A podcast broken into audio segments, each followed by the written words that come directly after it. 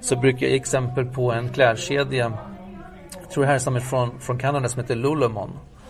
Lululemon säger Ja, man. okej. Och de tillhandahåller kläder eh, för löpare och eh, för yogapraktiserande. De har en massa finurligheter först. Men om man börjar med första frågan, attraherar vi fler? Då har de ett samarbete med New York Marathon där de anställda kliver ut ur butikerna och står längs med gatorna och hurrar på, hejar på alla som springer i loppet och har massa roliga skyltar som de håller i. Dessutom så bjuder de alla maratonlöpare på en yogasession på morgonen.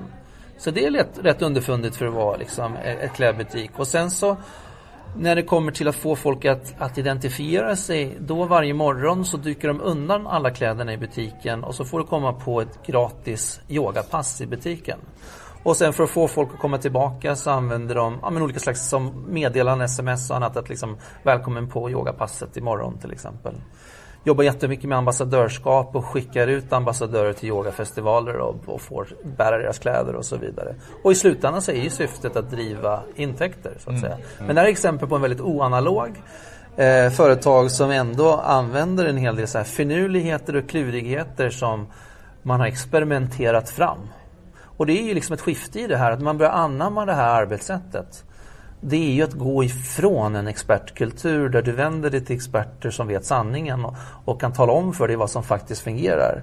I, I det här så finns det ju istället då en kultur av ödmjukhet i det att om du har börjat jobba experimentbaserat någon gång, då vet du att, vad lite du egentligen vet. Och då blir det snarare istället för att gå till en expert som har möjlighet att ge dig svaret så är det viktigt att vända sig till personer som hjälper dig att ställa rätt fråga. Och det är ett skifte. Så att jag skulle säga mycket i det här är ett mindset. Lika mycket som det är en process och ett sätt att göra nytt. Så är det ett skifte i det sättet man tänker på. Bort ifrån liksom att göra väldigt stora planer som man exekverar på över väldigt lång tid. Där man kanske bara, ibland historiskt har varit dålig på att mäta och följa upp resultatet.